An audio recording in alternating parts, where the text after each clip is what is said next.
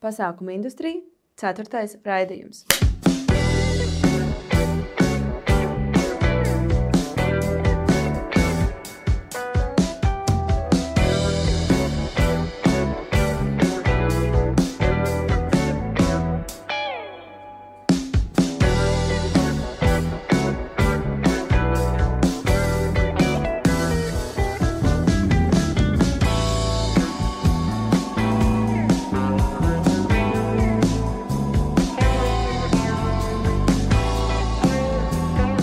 Šodien studijā Event Agency LV radošā direktore Ieva Vilciņa.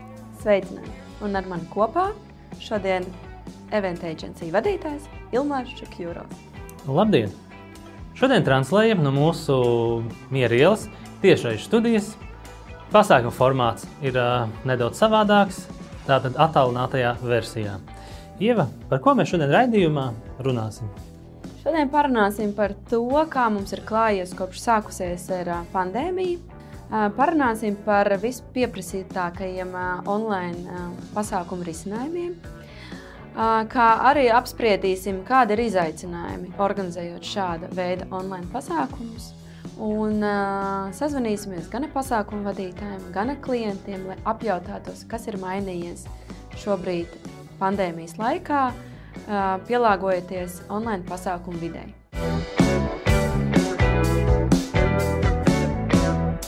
Ilmāte, pastāsti, kā mums ir gājis šajā laikā? Tā tad uh, kopš pandēmijas sākuma.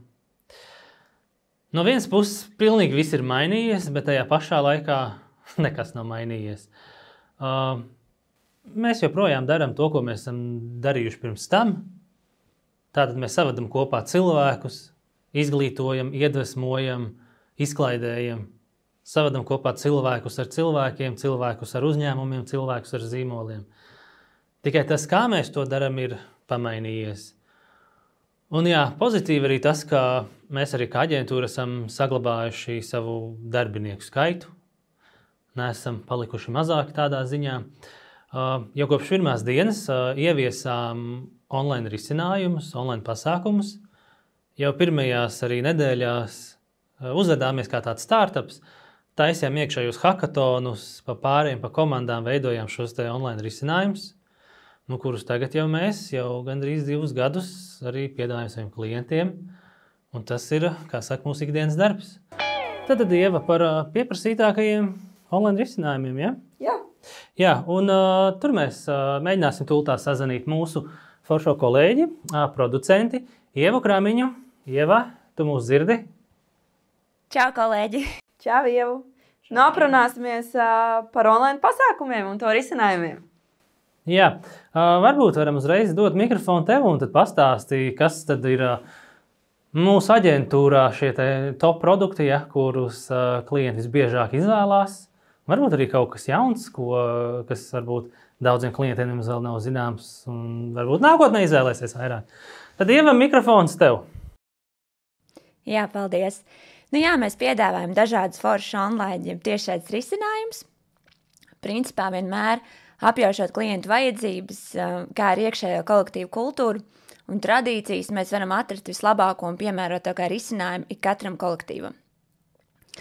Kā neatņemama sastāvdaļa un noteikti uz stabilu palikšanu tieši online formātā, mūsuprāt, ir konferences, semināri, mācības, kas ir kas prasa online formātā daudz mazāku resursus, daudz mazāku loģistiku, var savienoties ļoti ērtā veidā visi pasaules dalībnieki, lektori vienā konferencē. Un nav jādomā par lidojumiem, reisiem, eh, izmitināšanām un citām lietām. Tā kā mūsuprāt, šis formāts online būs uz palikšanu. Eh, runājot par izklaides formu, eh, protams, svētki, svinības, komandu saliedēšanās, tā nedrīkst būt atcelta, un tā nav ne mazāk svarīga.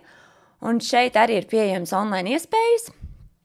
Atceros, ka sākoties pandēmijai, mūsu komanda uzreiz ķērās vērsim pie ragiem, un mēs sākām domāt šos online risinājumus.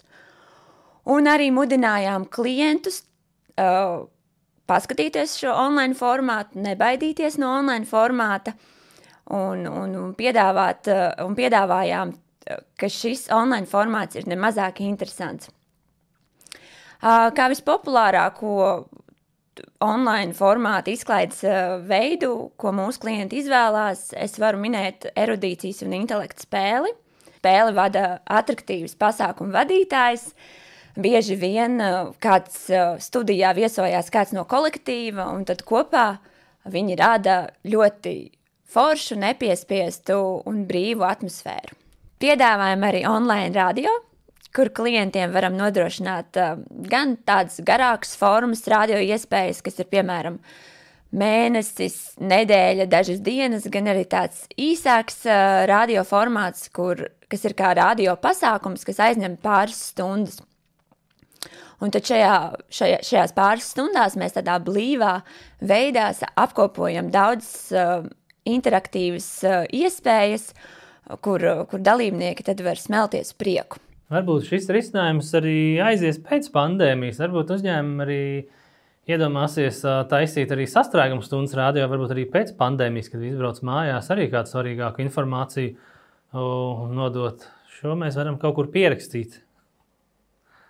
Gribēju arī pieminēt par to, ka radio raidījumā varam integrēt arī dažādas citas lietas. Un, Un tie var būt dažādi konkursi, viktorīnas, kvizi. Šajā sezonā cītīgi strādājam pie kvesta izveides, kas arī izskatās būs aizraujoša izklaide un komandu veicinoša, sadarbību veicinoša aktivitāte. Online questā kopīgiem spēkiem komanda tad risina tādu kā veida mistēriju. Un, un, un komandām ir jābūt ļoti vērīgām, jo tiks izmantoti gan audio faili, gan video faili. Būs jāskatās dažādi attēli, jāklausās uh, dažādas skaņas un jāskatās video, lai atrisinātu šo mistēriju. Protams, detaļas arī atstāsim uh, nedaudz mistērijā. Uh, jā, varbūt vēl kāds kaut ko vēl piemirsām. Kāds ir tev man jautājums? Jā. Kāds tev pašai par šiem diviem gadiem laikā strādājot vairāk online pasākumu vidē nekā klātienes, kāds tev pašai ir mīļākais formāts no online pasākumiem? Hmm. Man īstenībā visas online iespējas uh, patīk. Online ir tiešām nenovērtēts un, un šobrīd uh, paldies Dievam, daudz arī saprot, ka online iespējas ir tā vērtas. Un um, mm, runājot par mīļāko formātu, jā, nu, man kaut kā ļoti uzrunā tas radio raidījuma formāts.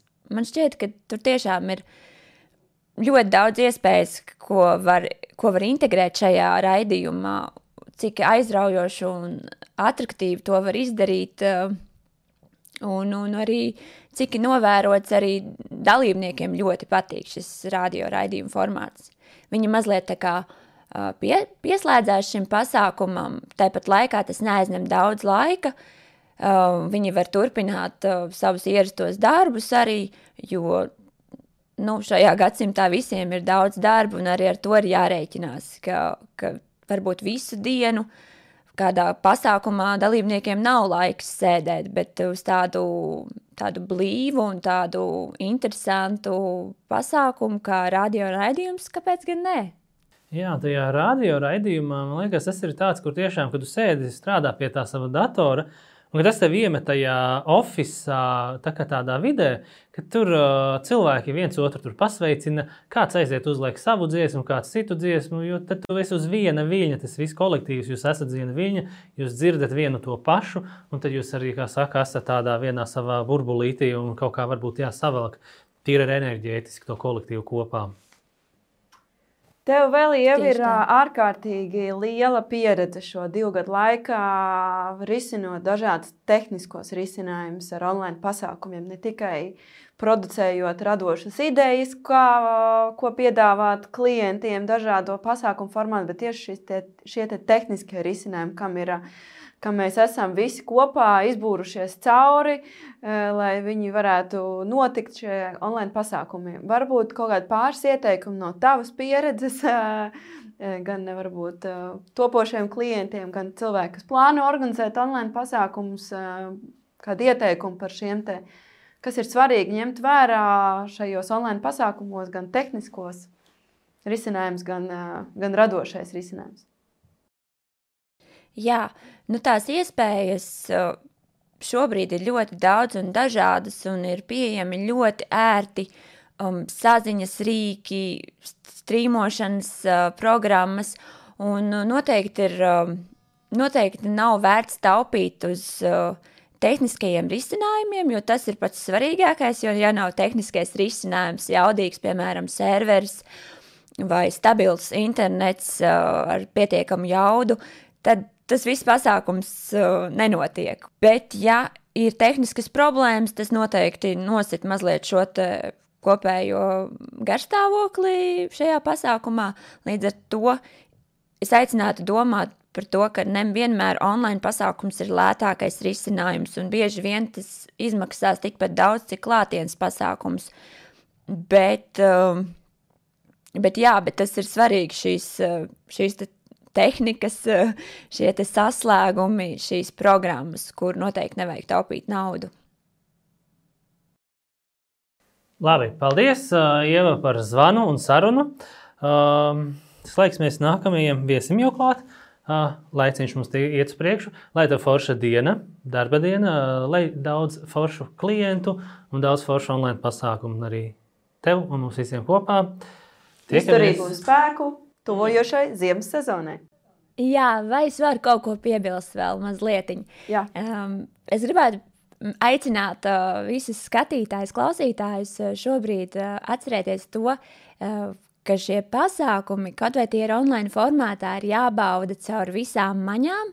Tās ir arī mūsu event agency, tā kā mūsu tā ideja, kam mēs ticam, un līdz ar to neaizmirstam to, ka arī online pasākumos ir iespējams iesaistīt visas maņas, visas sajūtas un, un, un piedzīvot šo te klātesamību, ši, šīs te patiesās emocijas.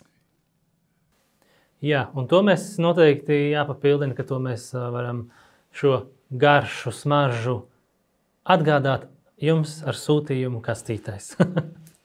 paldies! Jā, paldies, Ieva, par zvanu, lai izdodas! Esam sazvanījuši apdrošināšanas sabiedrības ergo komunikācijas speciālisti Judīti Osīti Fjodorovu. Sveiki, Judīti! Čau, jā! Judīte un ergo kompānija mums ir diezgan vēsturisks, vēsturisks un īpašs klients tādēļ, kad pirms gandrīz diviem gadiem, tad, kad sākās pandēmija pasaulē un Latvijā, gan drīz 24 stundas pirms iešanas iekšā uz montāžas darbiem pasākumam, bija zvans no Judītas. Un tad Judīta varētu pastāstīt, kas bija šajā zvanā. Uh, jā, zvans noteikti bija seriāls gan priekš mums, gan priekš jums, jo ilgi gatavojāmies lielajai gada ballai, uh, tiešām, kur tika ieguldīta Visa mūsu enerģija un laiks, un eh, šis ir pasākums, ko mūsu darbinieki gaida visvairāk. Un ne, neilgi pirms tika pasludināta pandēmijas situācija valstī, mēs, kā apdrošināšanas sabiedrība, kuri ļoti labi spēj izvērtēt riskus, nolēmām pieņemt šo te uh, smago lēmumu un atcelt pasākumu. Principā divas dienas pirms pasākuma sākšanas Pasākums mums bija plānots sestdien, un mēs atcēlām ceturtdienu. Tā bija, vai ne? Jā, jā. jā.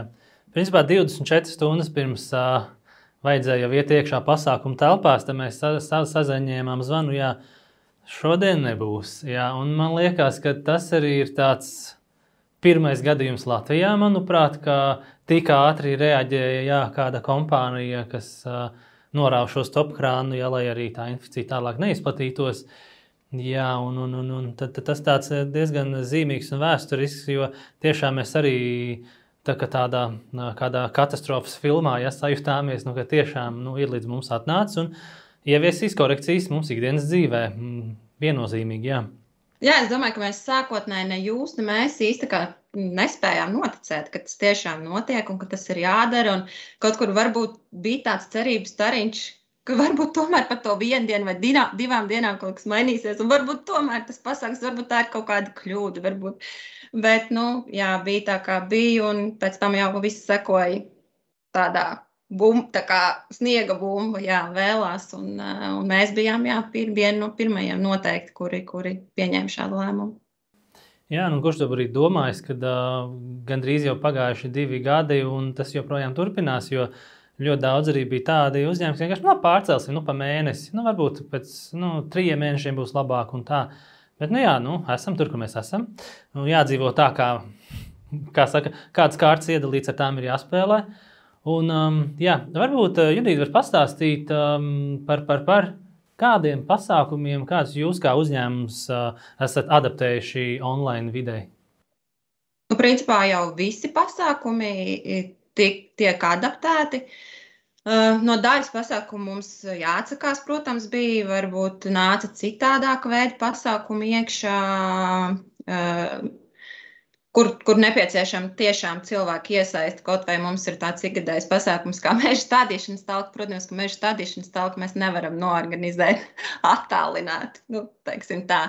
Bet tāpat šī darbinieku balle kas, kas ir mūsu apbalvošanas arī pasākums, kur mēs apbalvojam gada labākos darbiniekus.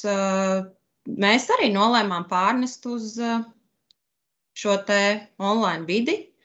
Un, protams, mums arī sākotnēji šķiet, bija tas princips, nu, pārceļam vienkārši tas kaut kad pārcelsies, un mēs darīsim vēlāk, bet klātienē.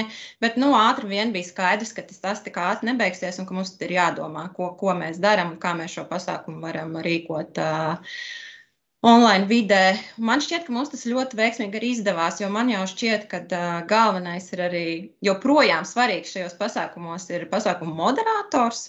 Kurš mums ļoti veiksmīgi izdevās atrast. Tas bija tieši tas pats, kas mums bija paredzēts arī klātienes pasākumā. Un pēc tam saņēmām no darbiniekiem labas atsauksmes. Protams, Visi kā viens atzīst, ka tas nav tas pats, kas būtu klātienes pasākumā, tomēr tāpat novērtē ļoti, ļoti pozitīvi. Mums ir arī pieņemsim tādu tradicionālā ģimenes dienu, kur mēs aicinām uz biroju mūsu darbinieku bērnus, un viņiem tiek nodrošināts dažādas aktivitātes. Tas notiek katru gadu. Mums nācās transformēt arī šo pasākumu. Pirmajā gadā mēs izveidojām tādu īpašu bērnu izaicinājumu, kas arī bija īpašā platformā veidot uzdevumu, ko viņi varēja pildīt katru dienu kopā ar ģimenēm. Un uh, otru gadu mēs šogad, tas bija, mēs uh, izveidojām arī bija tāds seminārs atsevišķi par, par, par, par labo darbu tēmu un par putnu tēmu. Tad mēs arī nodrošinājām mūsu ģimenes ar putnu būrīšiem. Mums bija tāda iniciatīva, lai to pergo putnu mājas, un, eh, un tad eh, apvienojot šo te, kad katram bija šis būrītis, ko viņš varēja darīt savās mājās, eh, bet mēs nodrošinājām arī šo te ornitologā, varētu teikt, tādu tā kā lekciju skaidrojošu, kur, kur varēja bērni iepazīties ar šo te tēmu. Mums ir arī tādas informatīvie pasākumi, kas, kas pirms tam notika vienu reizi gadā, un tas, protams, te es jau saskatu plusus, pieņemsim šādam informatīviem pasākumam, kur mēs informējam par svarīgākajiem notikumiem uzņēmumā un uzņēmuma uh, finanšu rādītājiem, kas ir bijuši, pieņemsim, par iepriekšējo ceturksni. Ja pirms tam mēs rīkojam vienreiz gadā, gada beigās, arī ar skatu uz jauno gadu, šobrīd mēs šādus pasākumus varam rīkot uh, biežāk. Mēs to darām katru ceturksni. Tikai šī iemesla dēļ, kad ir daudz vienkāršāk, nav jādomā par tā, telpu nomu. Daudz vienkāršāk mēs varam nodrošināt darbinieku iesaisti ne tikai mūsu galveno biroju, bet arī reģionālās filiāles. Tas šobrīd jā, ir kļuvis daudz, daudz ērtāk. Tāpat arī um, līdz šim Mums bija darbinieku, tādi sportiskie pasākumi, izaicinājumi, kurus arī mēs transformējām uz izaicinājumiem. Arī platformā, kur varēja, kur pat Baltijas līmenī mēs jau izveidojām. Ja līdz šim mēs to darījām Latvijas līmenī, tad šobrīd jau pateicoties šim te online, online režīmam, mēs varējām rīkot šo pasākumu arī arī Baltijas līmenī. Un tad man dažreiz ir rodās tas jautājums, kur mēs bijām pirms tam kāpēc mēs ātrāk neiedomājamies, ka tā var darīt. Jā, ir arī savi plusi savā ziņā. Es vienmēr saku, ka ļoti daudz plusus var atrast. Nu, vienīgais mīnus ir šis cilvēciskais faktors, jā, ka cilvēki grib satikties, tomēr tur ir cita enerģija. Jā, jo šiem informatīviem pasākumiem ir arī jā, tie. Principā, ja tas ir informatīvs pasākums, un viņš nojauc pilnībā tās fiziskās robežas, ir sevišķi arī tās lielas konferences, tās ir viesnīcas, tie ir transporta izdevumi. Un, un, un tas ir tiešām tik liels resurs gan cilvēkam, laika ziņā, gan arī, protams, finansiālā ziņā. Un arī šajos informatīvos pasākumos ir arī šis psiholoģiskais faktors, jo ir ļoti daudz cilvēku, arī šie introverti, kuriem varbūt nepatīk tie smoltoki un varbūt nedaudz jūtās viņa diskomfortabli. Ja? Un tad šeit viņi arī kaut kādā savā ziņā uzplaukst savā ekrāna otrā pusē un jūtās varbūt pat arī ērtāk. Ja? Tā kā tas arī noteikti ir un, un, un viens no tādiem plusiem. Mēs viņus noteikti varētu vēl tik skaitīt. Jā, noteikti mums pieņemsim arī līdz šim. Mēs arī centāmies darbiniekiem nodrošināt arī tādus kā semināru tipu pasākumus, kur mēs uzaicinājām kādu ekspertu, kurš pastāst par kādu konkrētu jomu. Un, bet tas arī bija vairāk lokalizēts uz galveno biroju. Tad šobrīd pilnīgi visi, pilnīgi visi var pieslēgties. Var pēc tam vēl noskatīties atkārtojumā, ja nav varējuši pieslēgties konkrētajā piedāvātajā laikā. Un, uh, un, jā, un, protams, šīs tēmas, ko mēs šobrīd piedāvājam uh, šajos webināros, tas arī ir vairāk balstīts tieši to, lai, lai palīdzētu psiholoģiski cilvēkiem saprast vispār šo, šo laiku, tikt vieglāk galā ar savām emocijām. Un, uh, un, un, un, jā. Nu, rekā, katram katram savu plusu un uh, katrai situācijai laikam savu plusu un savu mīnusu. Paldies, Judita. Man ir nākošais jautājums tev. Kā darbinieki reaģē, kāds ir atsauksmes uz šiem neformāliem online pasākumiem, jo tomēr tas jau ir ievilcies, jau ir otrais gads, un viņi ir jāorganizē, viņi ir jātaisa. Un, kāda varbūt jā, ir atsauksmes un ieinteresētība, iesaistīšanās šajos neformālajos online pasākumos? Es teiktu, tā, ka iesaiste ir ļoti laba tā cipariski. Un šis arī ir tas, ko mēs varam cipariski vienmēr izvērtēt. Nu, tur mums pieslēdzās mazāk, tad mēs, protams, varam paskatīties, kas varētu būt tie iemesli, vai tā tēma nebija tik interesanta, ja mēs runājam par šiem, pieņemsim, kas ir webināra tipa pasākumi. Uh, uz šīm te informatīvajām, kas mums ir šie informatīvās ergo dienas, tur mums pieslēdzas ļoti liels skaits, uh, skaits kolēģu. Un arī, kas mums ir bijušas apbalvošanas online, arī tas, tas tā atsaucība ir liela. Un es domāju, arī tieši šī ērtuma dēļ, kad cilvēki, tad viņš izvērtēja, šobrīd man ir laiks, es tad es pieslēgšos, vai varbūt viņš pat dara kaut ko paralēli un ar vienu ausi klausās un skatās. Un, Un te arī, protams, nav jāpērk jauna kleita, nav jāpērk jaunas kurpes, lai aizietu uz pasākumu. Tā nav jāsatraucās varbūt par kaut kādām tādām praktiskām lietām. Un ir daudz ētrā, ērtāk nokļūt šajā pasākumā, piedalīties un būt. Vienīgais mīnus, jā, kad atkarībā no tā, kādu kanālu mēs izvēlamies, kur notiks šis pasākums, var būt, ko vairāk darbinieki un kolēģi ir teikuši, ka pazūd varbūt tā viņu iesaiste, ja mēs, piemēram, izmantojam tādu rīku, Teams Live, kur, kur viņš nevar, viņš var tikai norespondēt kaut kā ar, ar caur čatu, čatu doto iespēju, bet viņš nevar, pieņemsim, uzdot jautājumu pats, viņš nevar aplaudēt, viņš nevar tur teikt, ah, malači, tu uzvarētāji vai tam līdzīgi. Jā, tas varbūt pazūd šis te faktors, bet ir jau arī rīki, kur to var, var īstenot. Jā, tas ir arī organizatoriem viens no lielākajiem izaicinājumiem uh, uzbūvēt šo klātesamības sajūtu. Jo nu, tiklīdz jā, te, tev ir um, divvirziena tā komunikācija, tad tu arī jūties uh, tiešām, ka tu esi pasākumā, ka tu esi vietas un kad uh, tu ietekmē saka, šo pasākuma gaitu. Jo nu, jā, tās vienvirziena komunikācijas tas jau ir uh, kā skatīties televizorā, jā, un tas varbūt nu, ļoti daudziem cilvēkiem jā, uzliek varbūt tādu. Uh, varbūt apbēdinājumi, jā, nu, ka varbūt viņš varbūt, nu, nav, nav tāds tik ļoti iesaistīts. Jo, tāpēc arī mēs meklējam šos daudz un dažādus rīkus, kā to darīt. Un, un, un, Mēģināt maksimāli iesaistīt, radīt kopā šo saturu ar, ar, ar šiem apmeklētājiem. Jā. Un, protams, vienmēr ir daudz tehniskie faktori, kas varbūt liek šos šķēršļus, bet nu, mēģinam maksimāli principā, to darīt. Un, un, un tad arī saka, tas pasākums ir tā, ka tiešām jā, online var uztaisīt ballīti. Var, var, var noteikti. Var, var ballīti, jā. Un eh, varbūt kādi būtu ieteikumi, kā uzturēt eh, šajā laikā, attālinātajā vidē, kad viss strādā attālināti šo kopības sajūtu, identitāti ar zīmolu, ar uzņēmumu, ar kolēģiem. Kā uzturēt saliedātu komandu? Jā. Jā, tā sajūtiski es varu teikt, lai kā negribētos atzīt, krītās tas, tas Morāli. līmenis krītās, jā, kad cilvēki varbūt cik ļoti viņi jūtas, cik viņi vispār grib iesaistīties. Tas varbūt arī ir tas jautājums, jo mēs kā esam katrs tajā savā mājā, savā mazajā mikroklimatā.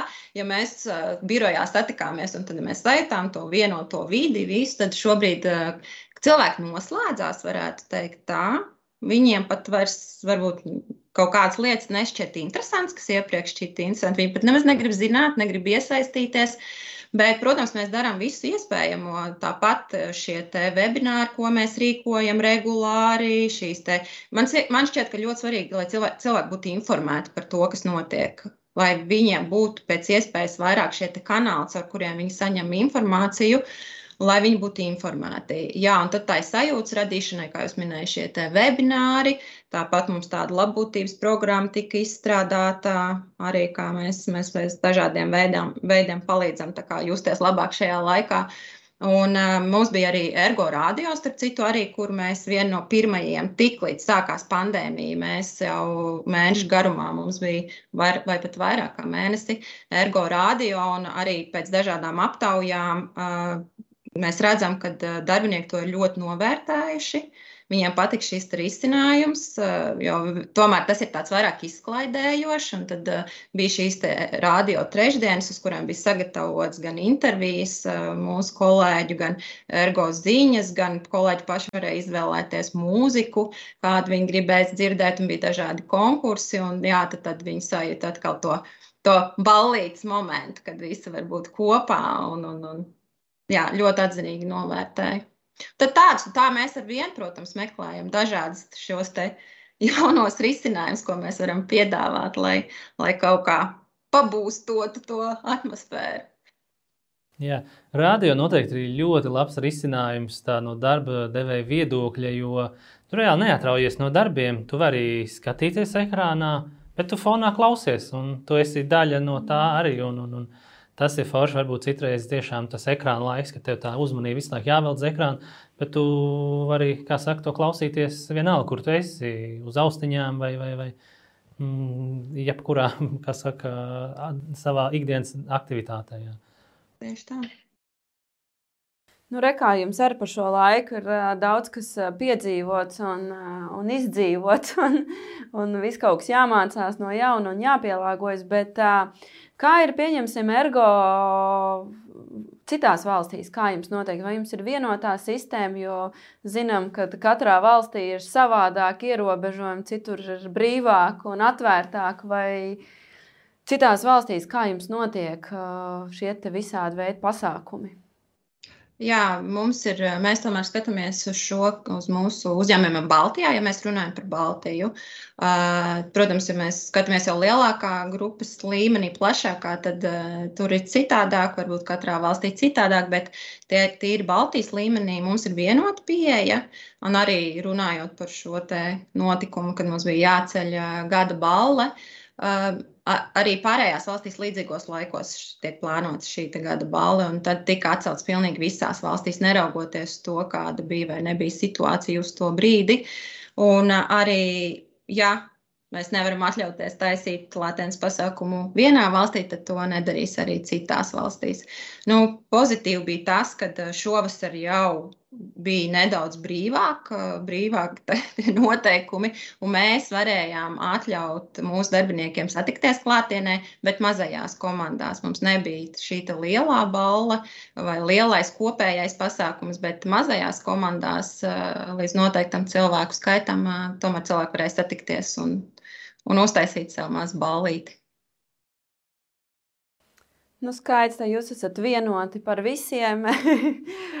Jā, mēs, mēs arī esam tiešām varbūt kā finanšu un kā apdro, uzņēmums, kā apdrošinātājs. Mēs tiešām ļoti rūpīgi izvērtējam visus riskus un mēs sekojam līdzi valstī noteiktajai kārtībai un noteikumiem. Un, un nevienā brīdī neesam domājuši kaut ko pārkāpt. Un, no, jā, jo mūsu, mūsu cilvēku drošība un veselība mums ir pirmajā vietā.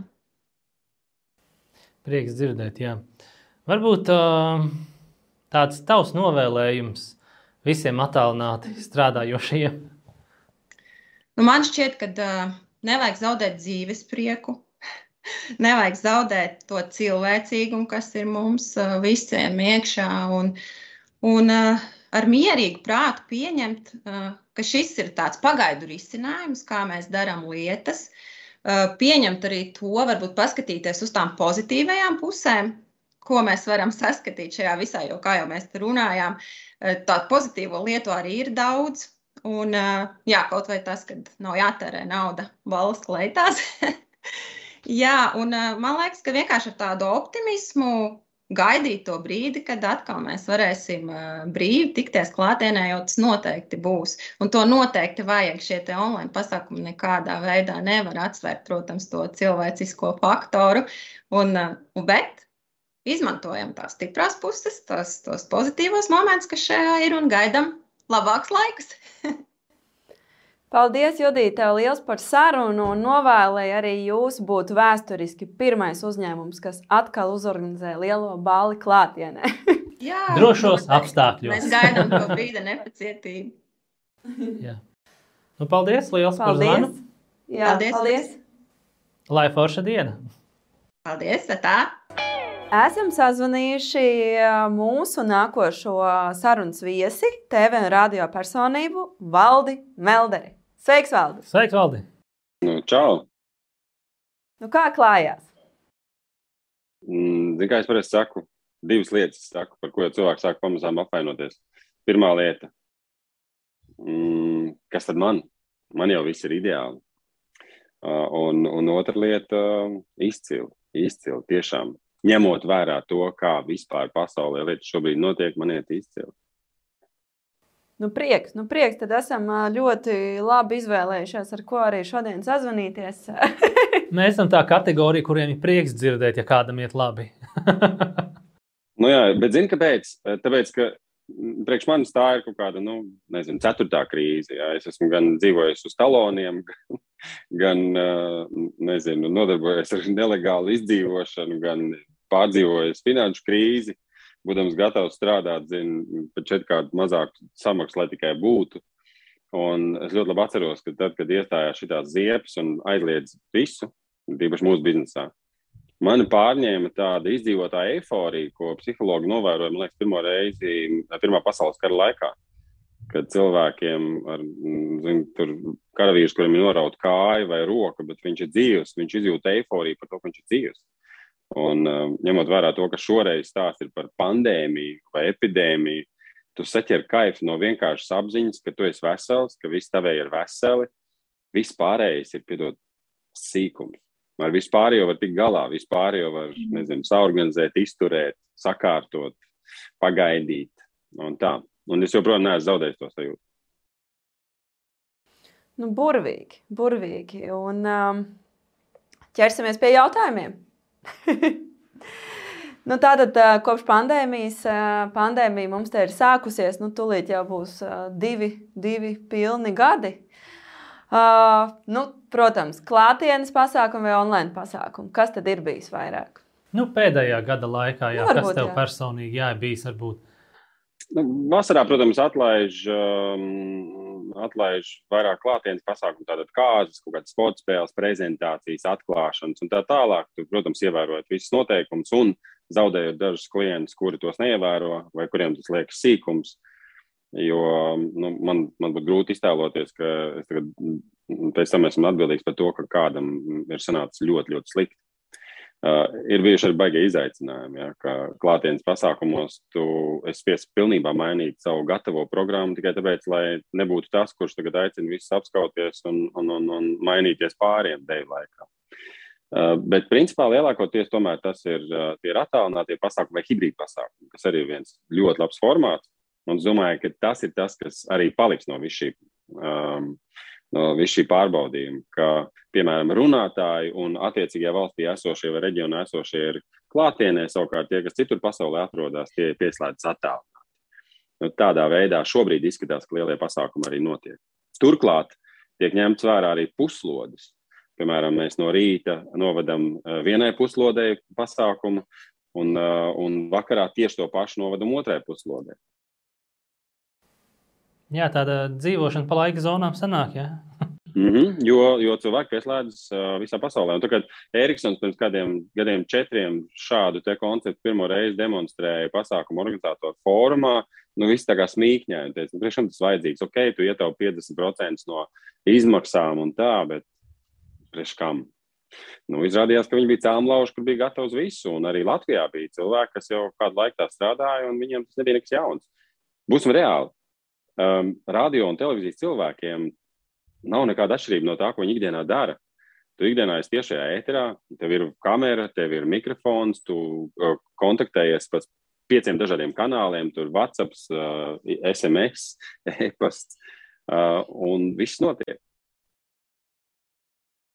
Jā. Um, varbūt tad, eh, jā, zin, kā tev arī jā, ir tā pieredze TV un radio. Ja? Tev noteikti bija arī iespējams, ka bija noteikti vieglāk adaptēties, ja pārējot no tā formāta, kas ir klātienē, kad tu strādā ar publiku, ja, un Pēc tam, kad tu pārēji uz uh, online, tu īsti neredzi to publiku, bet tajā radio un TV jau ir tā, ka tu īsti arī neredzi to publiku. Ne?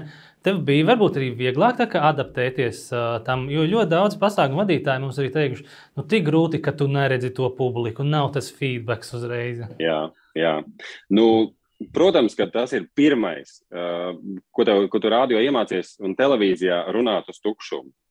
Turklāt tā kā labs sportists, piemēram, tas, ko man iemācīja smaiļošanā savulaik, ka nu, tur desmit dalībnieki, ja viens blakus otram mauc.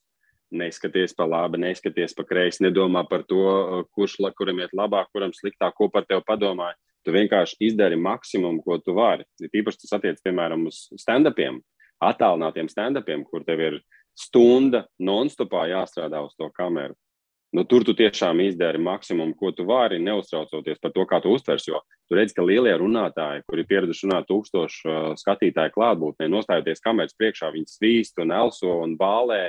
Jo smadzenes izmisīgi mēģina saprast, ka temps ir ok, vai šis strādā vai nestrādā, kāds vēl skatās, vai tas ir interesanti vai nav. Un man ļoti patika, ko vienā no pirmajiem fórumiem, attālinātiem, ko bija izdarījis viens no runātājiem.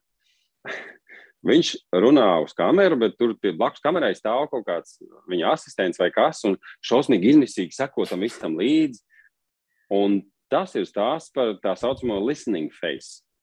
Ka tev ir ļoti svarīgi, lai tajā kamerā, uz kuru tu runā, vai nu blakus kamerai, vai tajā pašā zūmā, tev pretī ir kāds vai nu tavs kolēģis, vai nu kāds ļoti atsaucīgs skatītājs, kurš dzīvi reaģē līdz tam, ko tu dari. Un tad tu atrisini to problēmu, ka nav skatītāju ko tu nevari atrisināt, ir enerģijas jautājums. Tā enerģija, ko tu dabūji klātienē, tā, tā online nav pieejama vienkārši. Tāpēc, ja kādreiz kādam liekas, ka uh, online strādāt ir vieglāk, lētāk, izdevīgāk un tas neko nemaksā, man pieredze liecina tieši pretējo. Gan tehniski, tur vesela komanda vajadzīga, lai tas viss aiziet skaisti un montējās, un kadri un gaismas, gan arī, uh, lai, lai interakcija ir forša tā, tā kā tas, ko es iemācījos, un es domāju, ka klienti pamazām beidzot ir iemācījušies, ka online nav bez maksas. Un, lai labi izskatītos, īstenībā tur diezgan daudz ir jāiegūt. Nu, kaut gan jau mums notiek divus gadus šis viss, tāpat mums, man liekas, dienas dienā mēs joprojām saskaramies ar klientu izglītošanu un, un skaidrošanu par šo online kā kvalitatīvu pasākumu pasniegšanas veidu, ka tas nav no mājām, mēs pieslēdzamies caur kādu Zoom platformu un būs jau labi. Nu, skaidrs, ko vēlās panākt, jau vienmēr var būt arī labi. Bet, nu, jā, tā kā joprojām, protams, ir jau stipri, stipri labāk, bet joprojām tas ikdienas darbs ir diezgan tāds. Varbūt, Valdi, kādi ir tev bijuši lielākie izaicinājumi šajos online pasākumos? Jo formāti ir dažādi, gan konferences, semināri, balvas, apbalvošanas, viss ir pārgājis uz online vidi.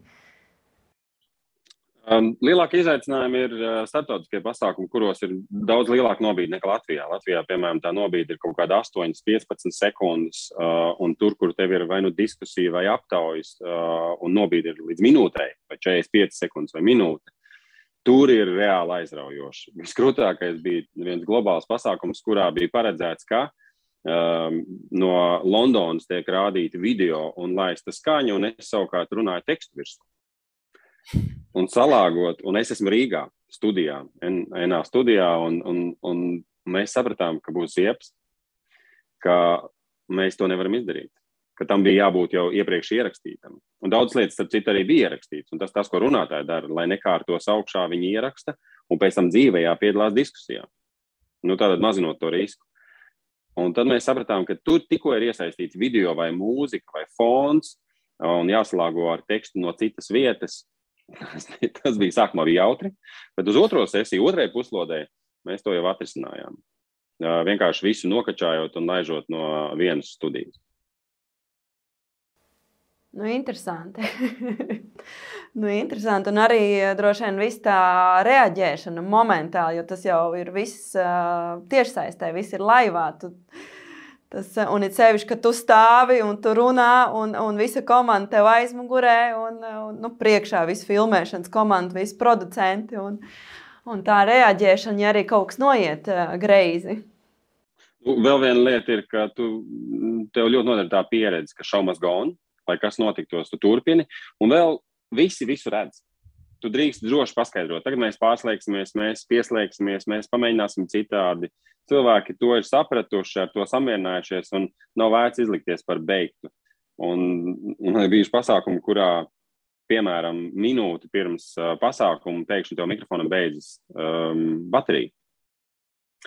Un akumulators. Ja būtu baterija, viņi var nomainīt, bet tas ir akumulators. Viņš nelādē, un tev pieslēdz pie tīkla, un viņš nevar vienlaicīgi tu viņā runāt, un viņš lādējas. Viņš nestrādā.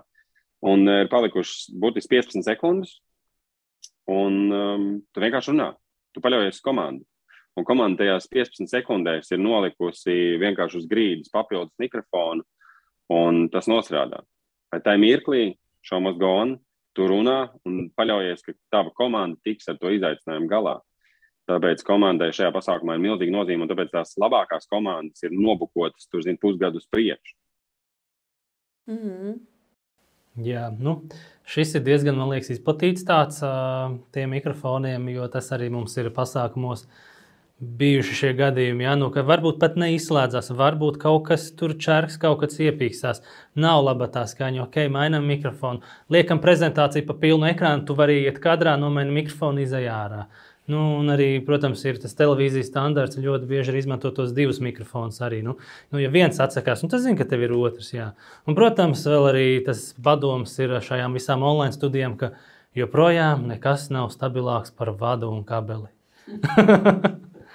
Taisnība, bet um, pēc sava pirmā online pasākuma, kas nebija studijā, bet uh, tā bija pieslēgšanās no mājām, tas bija mūsu kopīgais ar oratoru webinārs par pārliecinošu video uzstāšanos.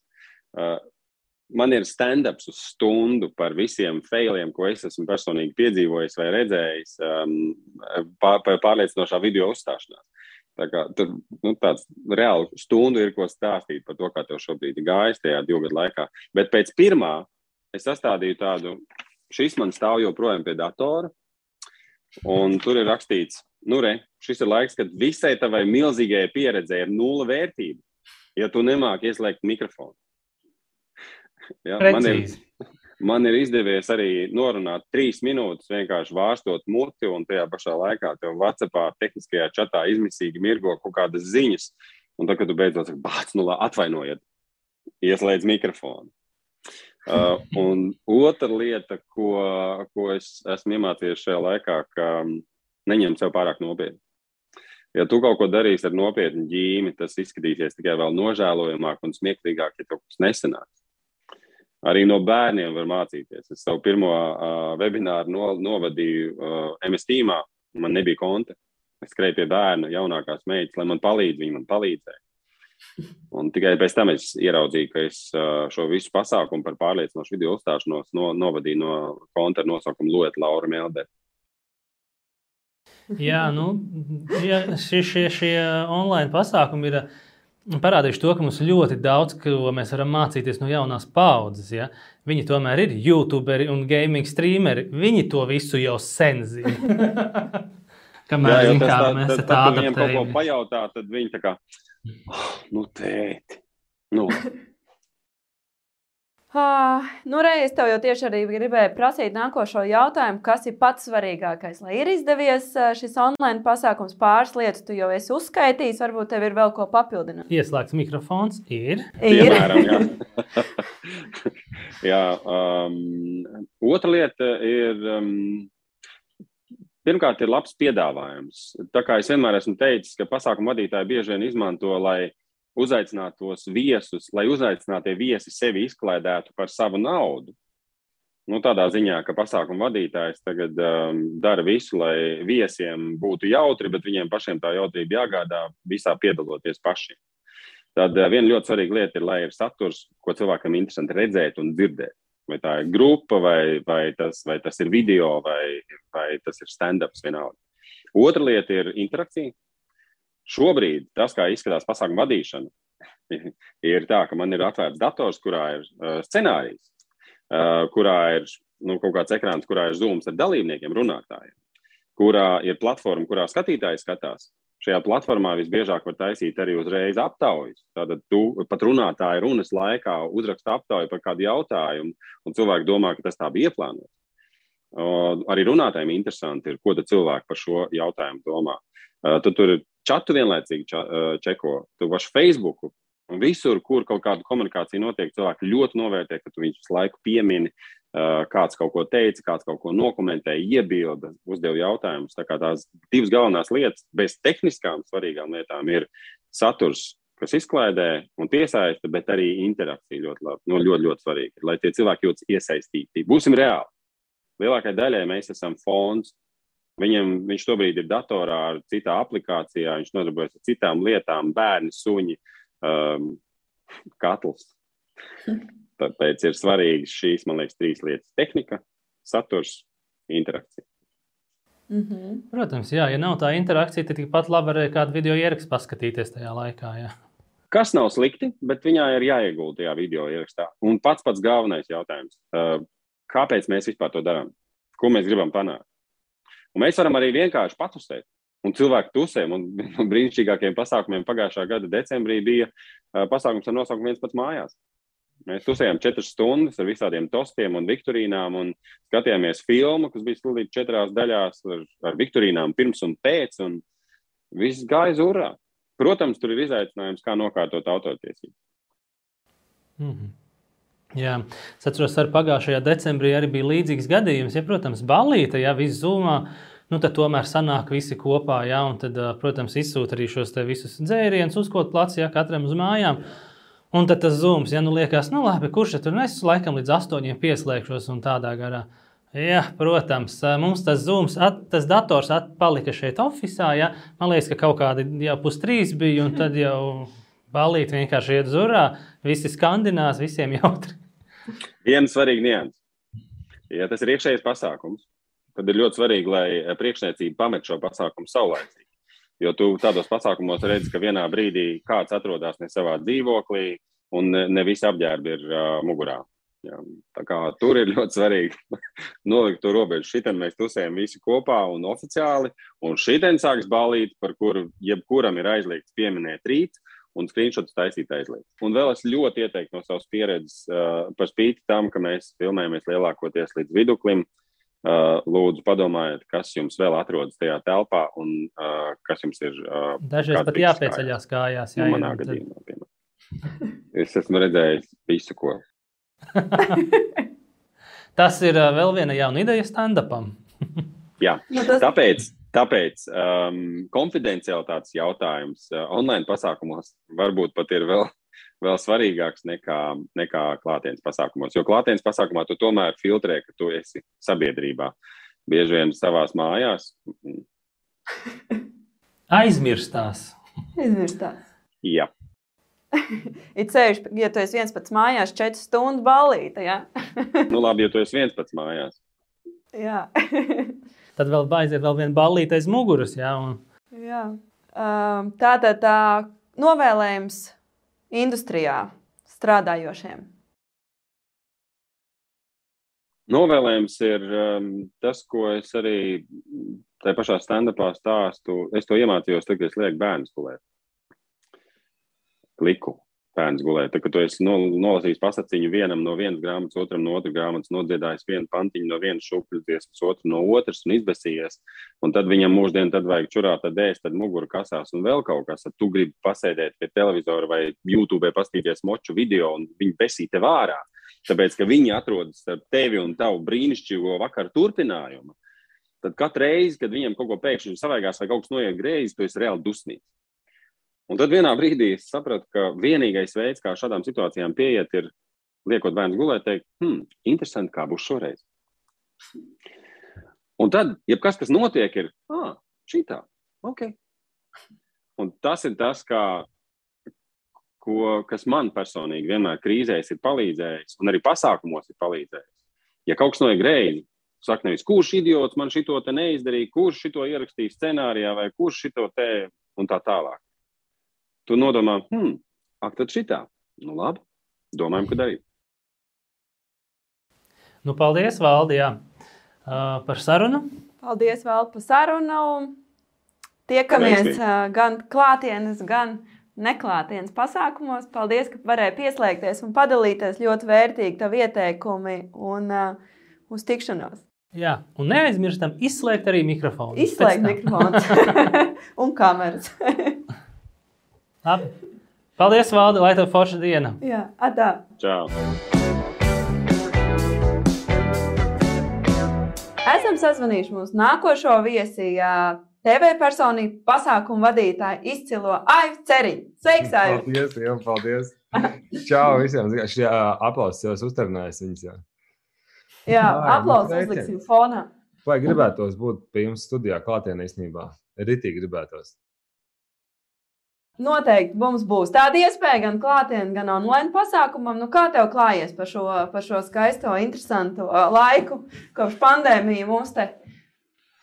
Uh, Ziniet, es divās daļās lielās varētu sadalīt. Uh, ja mēs runājam par darbu, ir bijis diezgan čābīgi, nu kā jau mums visiem.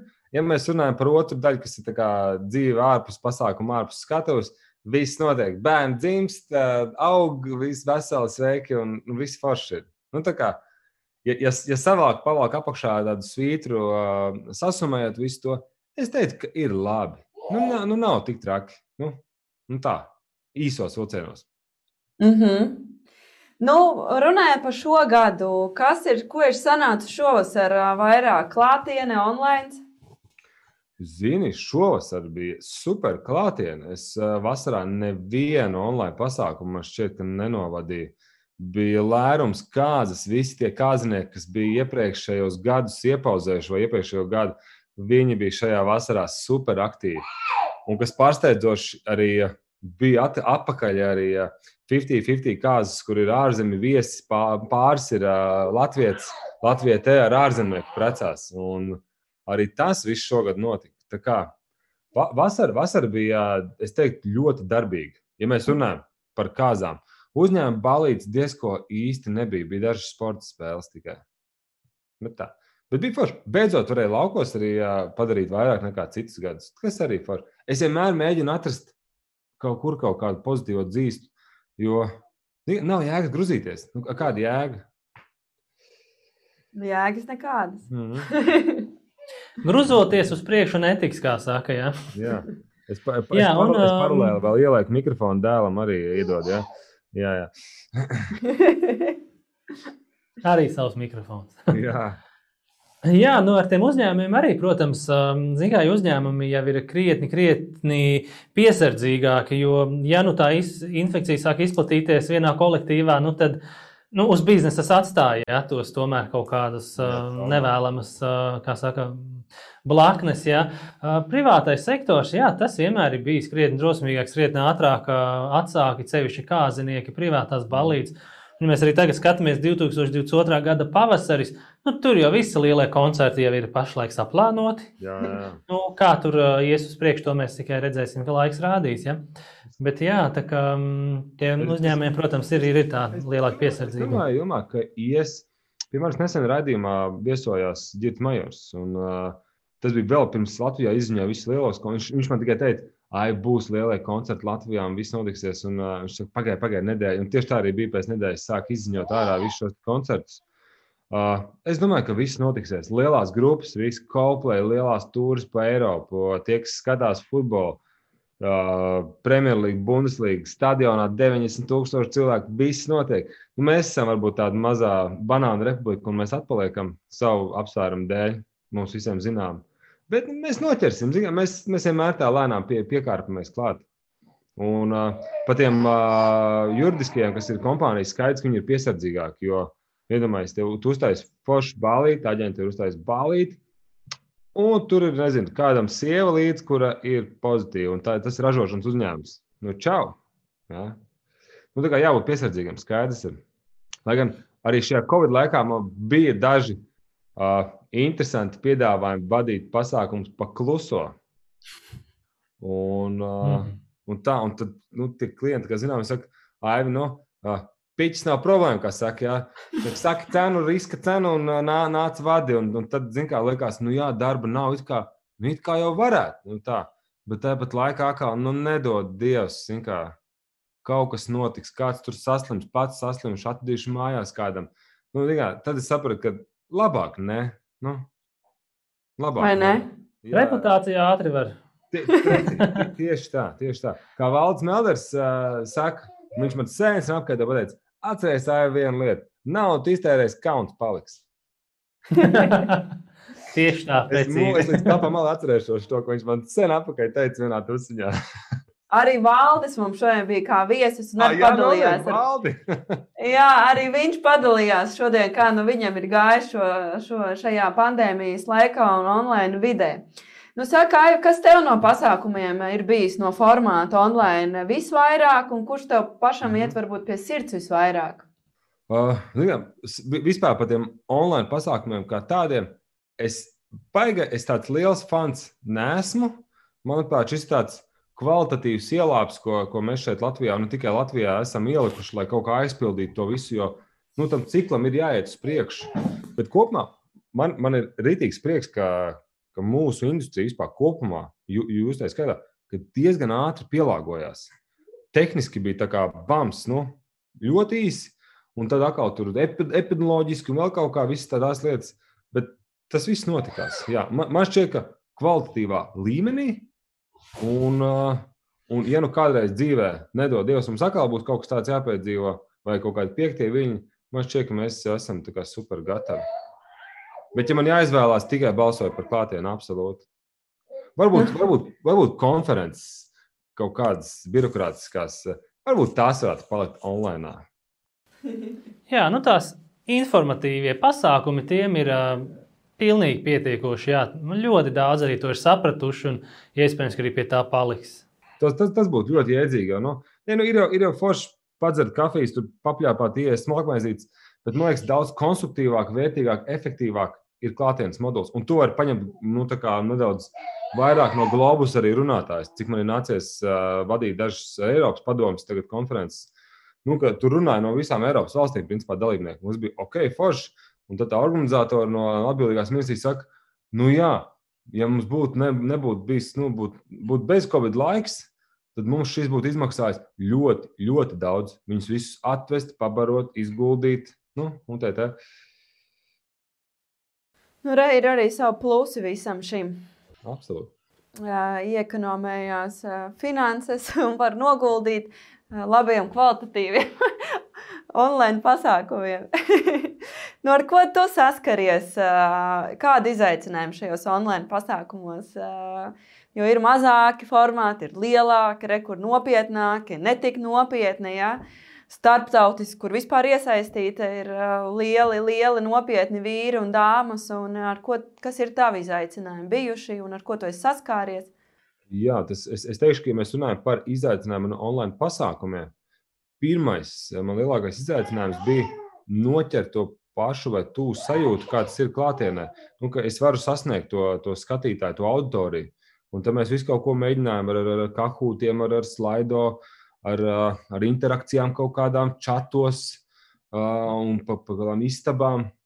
Un tas kaut kādā ziņā nostrādāja. Jautājums, cik pasākums tehniski ir kvalitatīvs, nu, lai nav nekādas nobīdes no, no tiešraides. Tas ir ļoti, ļoti būtiski.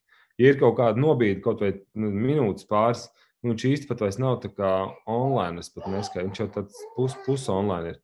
Jo tu īsti nevari nekādu interakciju ar savu skatītāju izveidot, ja tev ir laika nobīde. Nu, nu, teiksim, es teikšu, minūte, divas minūtes. Ta, tas bija lielākais izaicinājums. Otrs ir izmantošu anglicismu. Nu, tāds drives.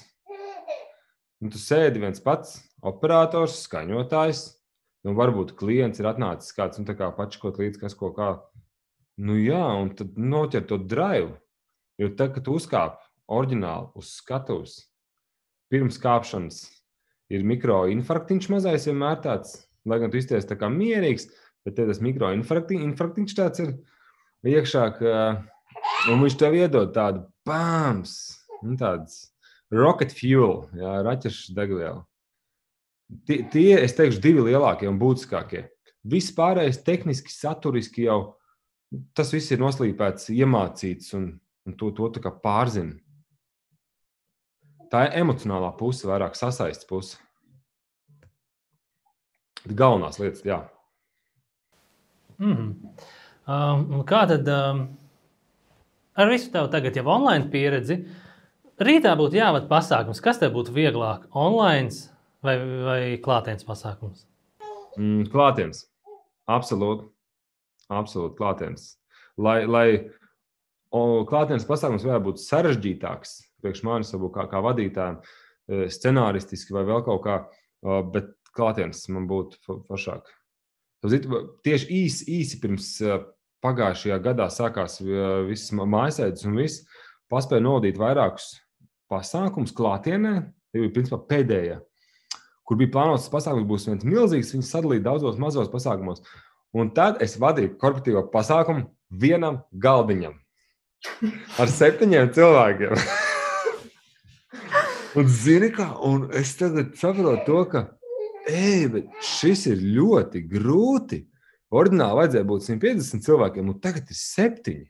Vienā bija 12, 7, un vienā bija atkal nedaudz vairāk. Un tas bija tā ārprātīgi, kā, kā tagad darīt. Es biju, godvārds, es biju mazliet apmuļs. Skaidrs, ka tas mūsums nogāja diezgan ātri, pazuda. Bet bija tāds mulsums. Un tas tā kā tu ienāc mājās, man tā māma teica, un tagad vadīšu pasākumu. Nu jā, nu tas jau ir tāpat kā mūziķis saka, krietni grūtāk ir uzstāties mazākai publikai nekā tev pilnai arēnai. Ja? Absolut. Tad arī tā uzmanība izdalās. Un, un, un šis ir tāds ļoti intīms pasākums mazākām publikām, un tad noteikti savādāk ir jāpieiet. Jā, pa urbānajām leģendām, Aivi jautājums, vai vadot Zoom pasākumu obligāti jāvelk bikses? Uh, nu, statistiski es, man, ir, man ir 50 pret 50. Hmm. Vēl, vēl tikko vadot pēdējo um, Eiropas padomus vienu konferenci, es arī biju savos, uh, nu, es viņus saucu par pelčotiem, no augšām bija balts krēkls, uh, kā klasēts žaketīte, viss kārtībā. Bet tās urmās, viņas ir patiesas. Piemēram, televīzijā es tā atklāšu, noslēpu, piemēram, mans kolēģis, ceru, viņš nedusmosies tagad, Ansis Bogustovs. Vasaras karstos mēnešos viņš arī ir šortos studijā, jo viņi redz arī tikai līdz, līdz viduklim. Un viņš ļoti bieži zandalās atbrauc ar rīčuku un mierīgi šortiņos, uzvelk žaketi studijā, un viņš ir ziņu moderators. Jā, kā saka, ļoti efektīvi izmantot resursi. nu, vai arī to Pie, piedod, un starp citu, par šo nedaudz, par šo urbāno leģendu pazobojoties starposmā, bija arī man viens pasākums, kur mēs tā kā ieņemdām, un es pasākumu sāku krēklā. Uz, māma bija smokings, bet apakšā bija šortiņi. Nu, un, un čības mājas.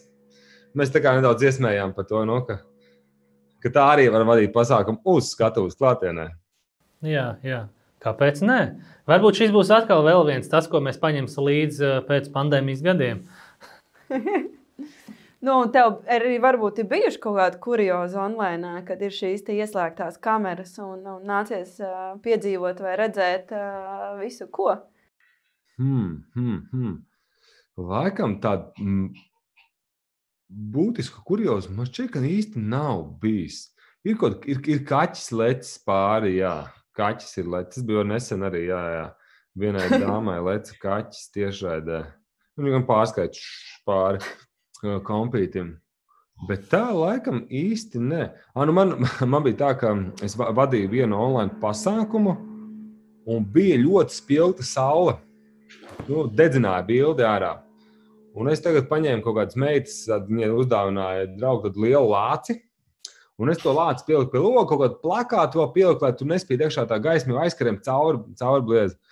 Un tad ir pasākums, man tieši ir, es, es runāju ar atklāšanu un ar lielu blīķi, tā, tā, tas bilde nokrīt zemē, tas lācis nokrīt un, un visi bildi izdeg.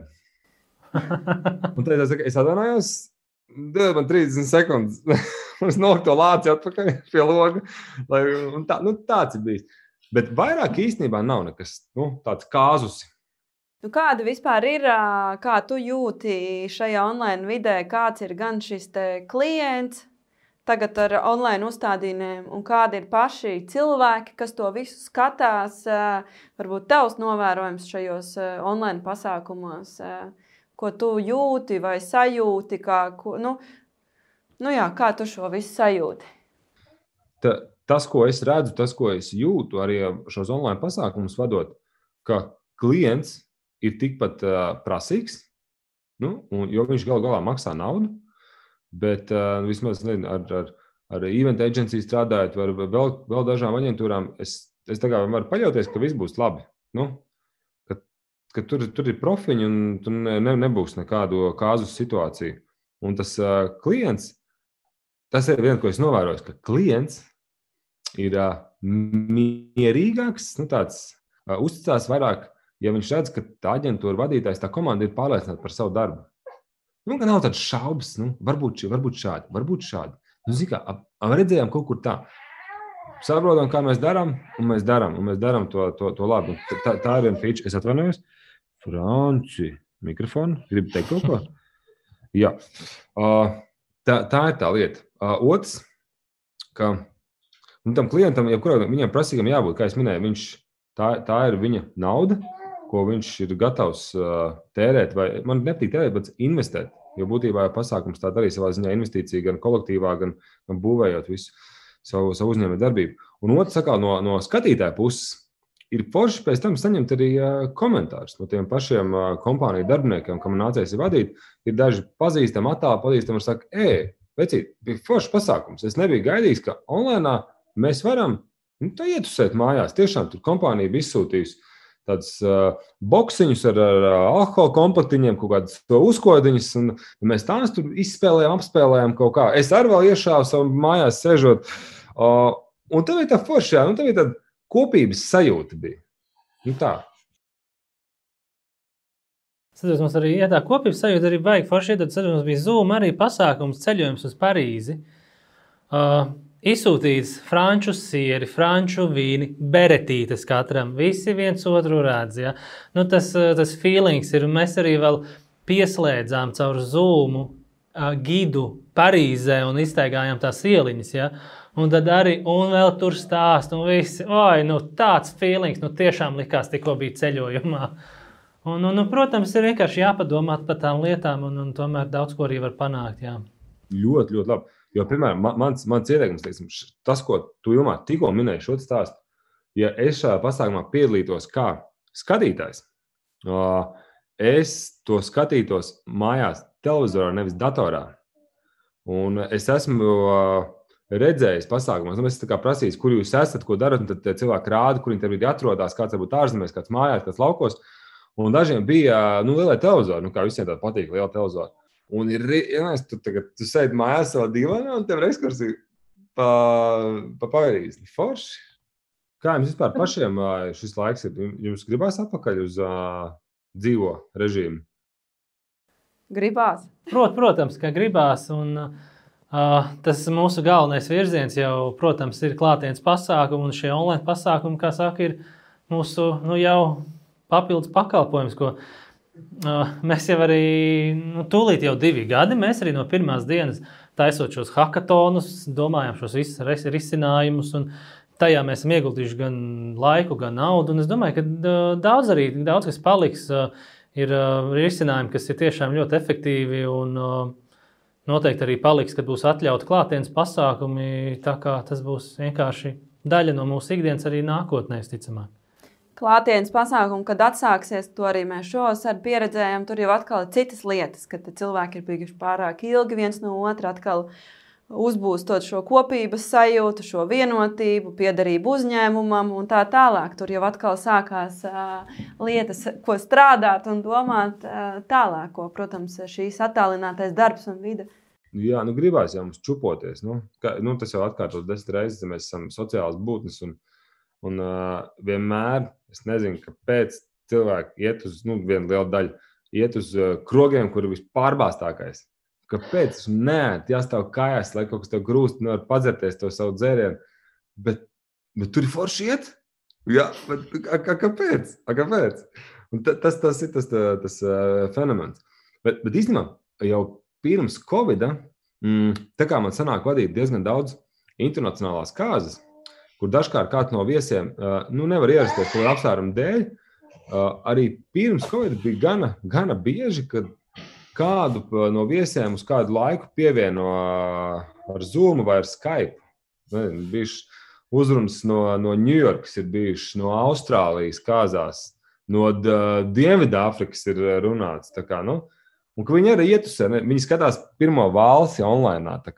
Tomēr, bet uh, uz projektoru mēs palaidām arī viņu to cilvēku. Nu, kā, nu, tas īstenībā bija jau, jau pirms, pirms uh, Covid. Es tā iesmēju, nu, ka tev ir priekš, priekšvēstneši apmēram tam online pasākumam. Nu, kā tu jūti, kā ziemas sezona, ziemas sezona tuvojas? Jā, tā, man, par šo īstenībā es tik ļoti pagājušajā ziemā cerēju, nu, ka šī zima, nu, ka, nu, ka varēsim darboties, varēsim strādāt. Jo decembris vienmēr ir bijis tāds nu, foršs, dūls laiks. Es, es baudu, es domāju, jums, labi, jums sākās ātrāk tas darbs, jau gatavošanās, tur augusts, septembris. No šeit. Bet tas decembris vienmēr tāds bāmas līdz Ziemassvētkiem, super skrējiens un tāds nedēļa miers. Un man tā patīk šis, šis vienmēr, un šogad atkal nebūs. Uh, nu, jā, online būs, bet tas ir citādāk, kā bija šī tēma. Tas nav, tā nav braukšana, tur nav make-up, tur nav, tur nav mēģinājums klātienē kaut kā. Nu, nu viss, viss tas process izmēr. Nu, kā, es ļoti baudu tajā savā darbā, es domāju, arī jums tāpat ir kā profņiem. To procesu, man tas process patīk.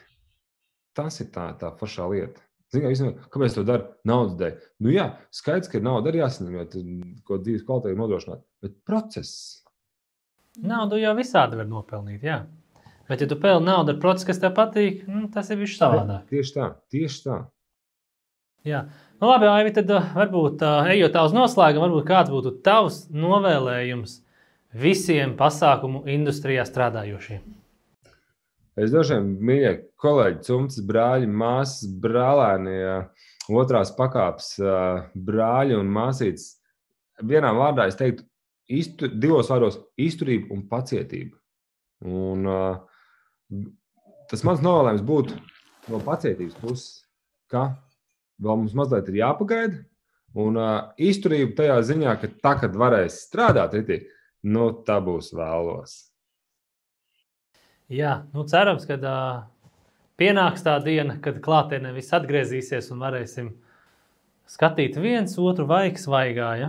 Mēs jau tev laicīgi rezervējam uz nākošo ziemu. Ja?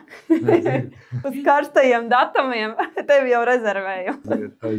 nu, šogad decembris jau zīmējās arī nu, ļoti līdzīgi kā katru gadu, tikai šogad tas ir online. Un... Jā pārsvarā nu, ir tie četri top datumi, kuros grib pusi Latvija. Un, tad arī tā ir mūsu problēma, kuru mēs arī vienmēr atrisinām.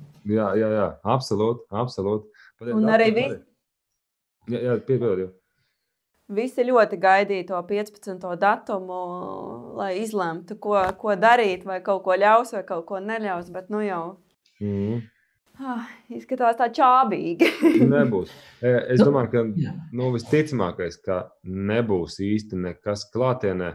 Man par to ir rītīgi žēl. Es, es personīgi jūtos pievilts nu, no tiem vīriem, dāmām, kas pieņem lēmumus. Savā ziņā es viņus saprotu, nu, kāpēc tas lēmums ir Bet vispār es jūtos pievilcis. Nu, tā pēcgarša tāda savu savu. Jā. Nu, jā. Jā. Kā ir, tā jādzīvo. Kā teica Ulmanis, kā ir, tā ir. Kā, ir, kā tā nav, tā nav. Jā, kā saka, kur zemē kaitē jādzīvo. Paldies, Lielas! Paldies! Paldies! paldies. paldies. Turamies un uh, tiekamies! Nākamo viesi esam sazinājuši Sandu Dejus, TV radio personību, improvizatoru. Vienkārši fantastisku cilvēku. Sanda, labdien, labrīt, labvakar, vai tu mūs dzirdi? Sveiki, jā, es jūs dzirdu un priecājos satikt neklātienē, bet nu tomēr. čau, čau, Sanda. Nu, kā klājas šajā laikā? Nu, šis laiks ir uh, mierīgs mierīgs. Eh, citkārt, eh, citus gadus šis ir bijis tāds aktīvākais darba periods, bet nu, dzīve ievieš savas korekcijas, un tā mēs ļaujos. Nu, kā tad ir šis gads vairāk klātienē vai online bijuši? Ieva noteikti runā par pasākumiem. Par pasākumu. par pasākumu vadīšanu, jā. Kāds tad ir bijis jā, šis gads šķērsgriezumā? Nu, jā, Nu, ar pasākumiem ir tā, ka es konkrēti neesmu uzskaitījusi, cik man ir bijuši klātienes pasākumi, cik ir bijuši attālinātie. Bet es gan laikam sliecos uz to, ka vairāk ir bijuši klātienes pasākumi. Izdevājot, protams, visām valstī noteiktajām normām, e, organizatori tomēr ir spējuši radoši visu risināt un arī miksēt. E, teiksim, ir kaut kādi pasākumi, kuros ir bijis ierobežots klātesošo cilvēku e, skaits, līdz ar to viņus arī pārējais noraidīja tiem cilvēkiem, kas nevar ierasties. Nu, tas lielākais izaicinājums tas noteikti bija tieši organizatoriem, kā to visu dabūt gatavu, lai arī tiem, kas pie ekrāniem skatās, ir interesanti. Bet man kā vadītājai, man kā vadītājai tas arī bija gan interesanti, un es viennozīmīgi izbaudīju. Tā kā tie klātienes pasākumi, kas vairāk saistās teiksim, ar kāzām vasarā un kaut kādām Mm, kaut kādu notikumu atklāšanām. Tie bija klātienē, bet lielākoties arī visur parādījās kaut kādas attālināto, attālināto elementu tās lietiņas. Jā, vai sanācis novadīt nu, tā, ka simtprocentīgi tikai online pasākums? Jā, un tāds ir bijis, tādi ir bijuši pasākumi, un tad tas ir tādā gadījumā, ja organizatori, aģentūra vai organizatori spēj nodrošināt to, ka tas pasākums ir tā kā televīzijas tiešraide. Tas, tas nozīmē, ka ir grupa, kas filmē, kas strādā, kas pogā, kas, kas visu tur, ja gadījumā kaut kas nāk iekšā ar zvaniem vai video, ka to visu sapogā un vadītājs būtībā dara savu darbu, vairs neskatoties uz slēdžiem, vai cik ir sanākuši, vai neregulējot skaļumu, vai nepieslēdzot nevienu sarunai. Tādi arī ir bijuši. Mm -hmm. Skaidrs, un varbūt arī par, par no improvizācijas vides, kas jums ir bijis šajā laikā saistībā ar improvizāciju, jo var noteikti meklēja, kā izklaidēt un izklaidēt cilvēku šajā online vidē, gan kā klātienē, tā arī noteikti online vidē nāk prātā improvizatori. Jā, e, nu, es zinu, ka daudz improvizatori atrada veidus, kā e, tai programmai, ko es teicu, ka es neizveidoju, kā izveidot un strādāt. Zoom platformā arī, dzen, es gan nezinu viņu e, tās visas metodas un knīpus, jo tas jau ir droši vien firmas noslēpums, bet mēs spiediens, mēs rēķinoties ar to, ka klātienē savus viesus uzņemt nevarējām, mēs izveidojām tādu jautrās vakariņas piedāvājumu, kurā sadarbībā ar restorānu garāžu mēs aizvedām kasti ar vakariņām vairākās kārtās, un klāt nāca arī QR kods, ka tu vari noskatīties pie katras no tām eh, maltītēm vai kārtām eh, tādu improvizētu, improvizācijas šoviņu etīdes, un tur bija arī iespēja pat līdzdarboties atsevišķos, atsevišķos veidos, un, un tas, manuprāt, bija baigi forši, jo es pati arī tādu iegādājos atbalstot savējos. jo mēs, mēs teicām, tādas divas, un pirmajā es nepiedalījos, tad es iegādājos un pati izbaudīju to. Un, ja man pašai likās, ka, nu, kas tur tāds ir, tad mans vīrs, piemēram, skatījās aiz gūtnēm. Un tad, kad es teicu, es aiziešu bērnam, tur kaut kas bija blakus istabā vajadzīgs, es aiziešu to, viņš iepauzēja, lai es atnākot, tomēr varu noskatīties, jo tas viņam likās tā, tur nevar pārtraukt, tur ir jāskatās kopā. Nu, tas, tas bija tāds foršs randiņš, ko varēja noorganizēt sev mājasēdē ar improvizāciju un gardām vakariņām. Forši. Jā, super prieks dzirdēt, ka tik radoši visi pielāgojās un, un, un, un iet līdz laikam un ierobežojumiem. Jo nu, laikam mums jau ir diezgan līdzīgi no pasākumu producentiem, pat TV producentiem. Mēs te kaut kā pārvēršamies lēnā garā un, kā saka, varbūt dzīvē noderēs. Jā. Varbūt, kas ir bijuši, varbūt, tavuprāt, tie lielākie izaicinājumi? Jā, nu, tev nav varbūt, kā saka, tā seja pretī, tas pūlis, it sevišķi varbūt. Ja ir kāda improvizācija, tā auditorija jau ļoti daudz ko pasaka priekšā, tā atgriezeniskā saite uzreiz. Jo varbūt, kad ir jā, šajā online, varbūt vairāk stand-ups dara nekā improvizācija. Kādas tavas domas par to? Pilnīgi viennozīmīgi. Jā, ir ļoti grūti strādāt, ka tev nav auditorija. Bet ņemot vērā, ka es tomēr esmu ar radio, televīzijas un improvizācijas pieredzi, es kaut kā spēju strādāt eh, arī tad, ja ir eh, tas, eh, tas mm, starposms starp mani un cilvēku, proti, kaut kāds mēdījis, kas viņam to pārraida. Te Es domāju, grūtāk ir klasiskam pasākumu vadītājam, jo viņam atkrīt teikums, priecājos uz sveikti kuplā skaitā, Paceļ rokas tie, kas ir priecīgi, Vai tagad, tagad nu, kaut kāda tādas lietas, vai ne? Kur ir jūsu rociņas? Un tagad ar aplausiem sagaidām nākamo runātāju. Tu, tu to nevari sagaidīt, vai ne? Kad kāds ar aplausiem kaut ko sagaidīs. Bet improvizācija šajā gadījumā ir ļoti noderīga prasme, jo tā noder brīžos, kad tev, tev vienkārši kaut ko māja, kad kaut kas ir iebuksējis, vai, vai māja, ka mēs tagad neesam pieslēgušies, vai mums ir jāsagaida cilvēki, un tikmēr tev ir vienkārši jāparunā. Tas gan arī parastos pasākumos notiek. Bet saistībā ar tehnoloģijām, kas varbūt arī um, jums, kā organizatoriem, nav tā, tā teiksim, nu, ikdiena. Ja? Tad, tad šeit, šeit noder, ka tas vadītājs ir gatavs un fleksibls pielāgoties, un arī, ja vajadzēs, pusstundiņu pamuldēt tukšu, kamēr mums piesako visi pārējie. Lai nav tā, ka viņš tikai stāv un gaida, un tad, tad, un tad desmit minūtes paiet, ka piesako, un tad no tādas ir Sveicināti! Jā, nu šeit ir atkal no youtuberiem daudz ko varam mācīties. Jā? Kā viņi uzsāk savus gamerus, jā, oh, čau, čau, pieslēdzās Sanda, čau, pieslēdzās Ieva, jā, kā jums iet? Rakstiet komentārā.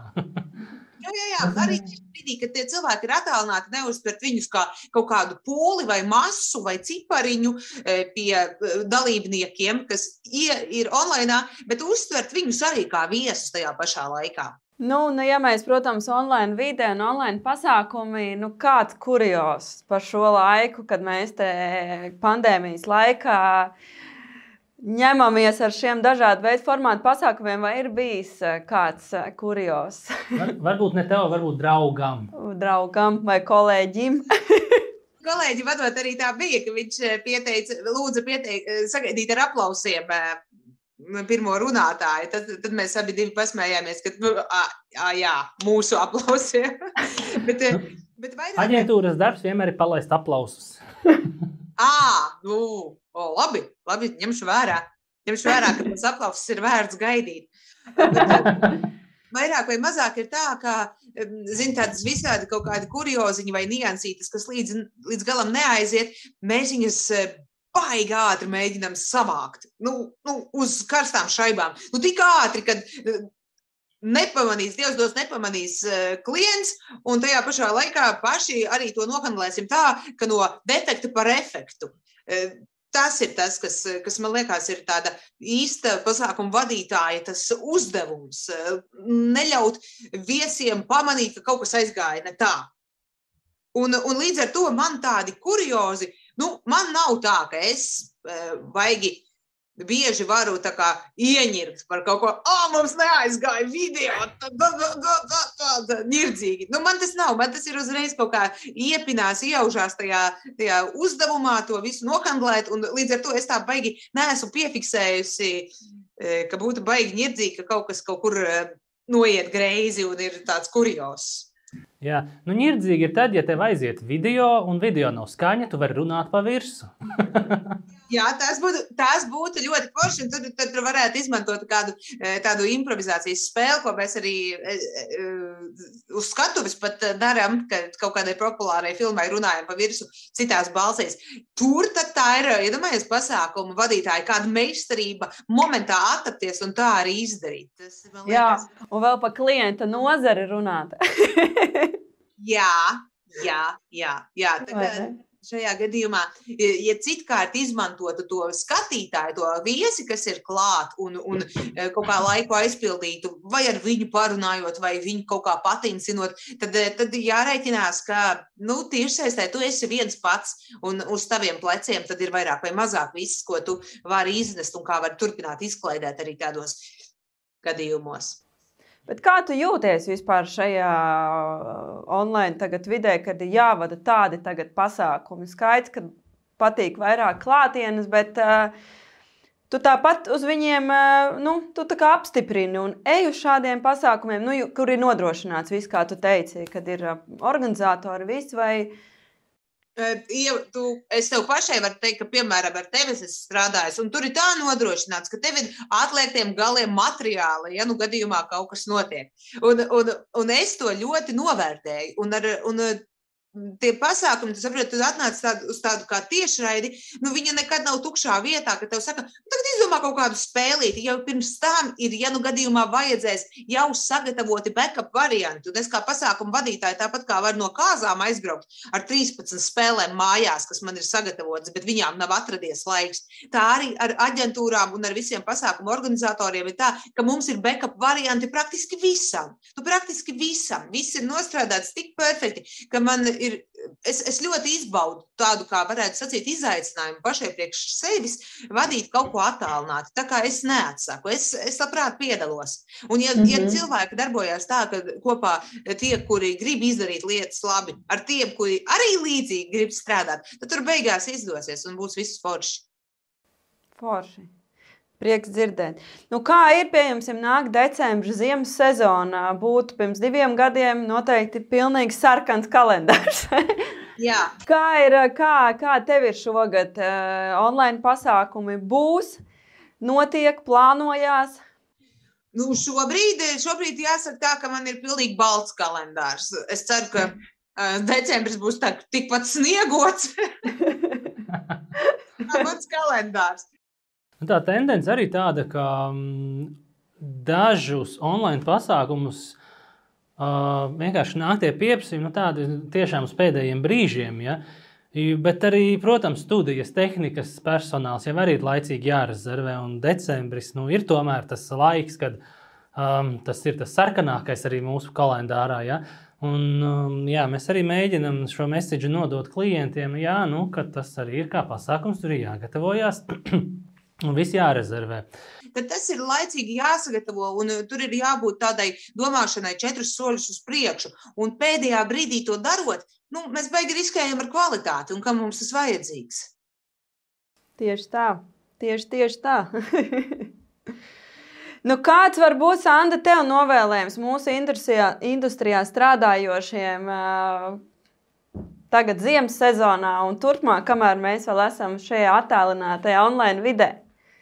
Nu, es novēlētu saglabāt veselību, kā fizisko, tā mentālo, ar uzsvaru uz mentālo, e, mēģināt nesajūt prātā no tā visa, nu, kā ka situācija ir tāda, kāda viņa ir, un ka viņa varbūt vēl kādu laiku nemainīsies. Nu, iet pretī laikam un būt atvērtam pret to, ko laiks nes pretī tev. Un es domāju, ka sadarbojoties un eh, nemazinot to kvalitātes latiņu pašam pret sevi un paveikto darbu, eh, viss būs kārtībā. Mēs drīz tiksim cauri šim visam, un viss atkal aizies skaisti un plūdeni. Un dejosim kopā rokās sadavušies visi. Jā. Aplijā pēgli un dziedāsim dziesmas. Un aplaudēsim visi. Nākamajam runātājam. Nākošajam runātājam, jā. Nu, skaists un paldies tev, Sanda, par sarunu un arī tavam kompanionam.